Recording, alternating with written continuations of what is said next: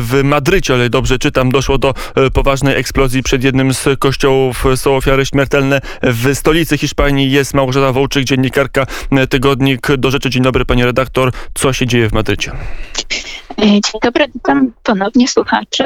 Otóż ja właściwie jestem dosyć niedaleko, bo ta eksplozja miała miejsce w centrum, no może nie ścisłym. Trudno mi oszacować w tej chwili, czy to jest półtora kilometra ode mnie, od Puerta del Sol.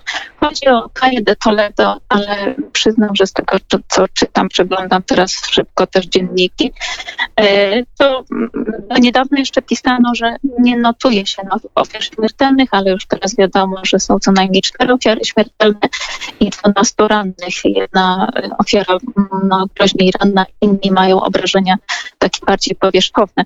E, Mówi się ze wstępnych e, rokowań, że chodzi o wybuch gazu. Podobno dwójka ludzi sprawdzała, e, nie wiem, kotły w budynku.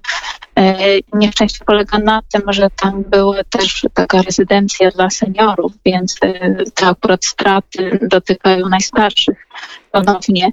E, Poza tym no, to miejsce znajduje się, obok znajduje się kościół, poza tym to jest właściwie takie centrum i, i z tego co widać na tych filmikach, ta eksplozja no, wydawała się jak w czasie wojny. Przynajmniej taki, taki był pogłos i, i rzeczywiście runęła fasada budynku.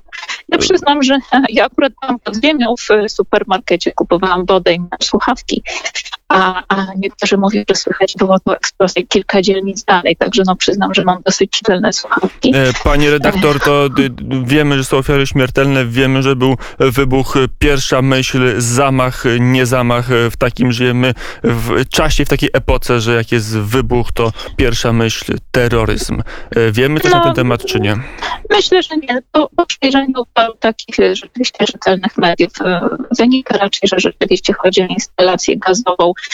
Jest jeszcze za wcześnie, żeby powiedzieć. Tak jak mówię, przed chwilą mówiono, że nie ma ofiar, już znaleziono cztery, wiem, że jest 12 karetek, ale, ale trzeba pewnie poczekać, żeby wiadomo było, co dokładnie się stało. Na razie po prostu widać, że jest ogromne rumowisko niedaleko śpiewskiego centrum i, i rzeczywiście szyby w pobliskich sklepach, w hotelu e, no, też pod wpływem eksplozji wypadły i, i dlatego też rani, raniły postronnych ludzi, ale że tak powiem w samym centrum panuje wielki spokój i także mam wrażenie, że rzeczywiście chodzi o jakąś awarię w instalacji gazowej, przynajmniej tak zapewniają tutaj media e, w Hiszpanii.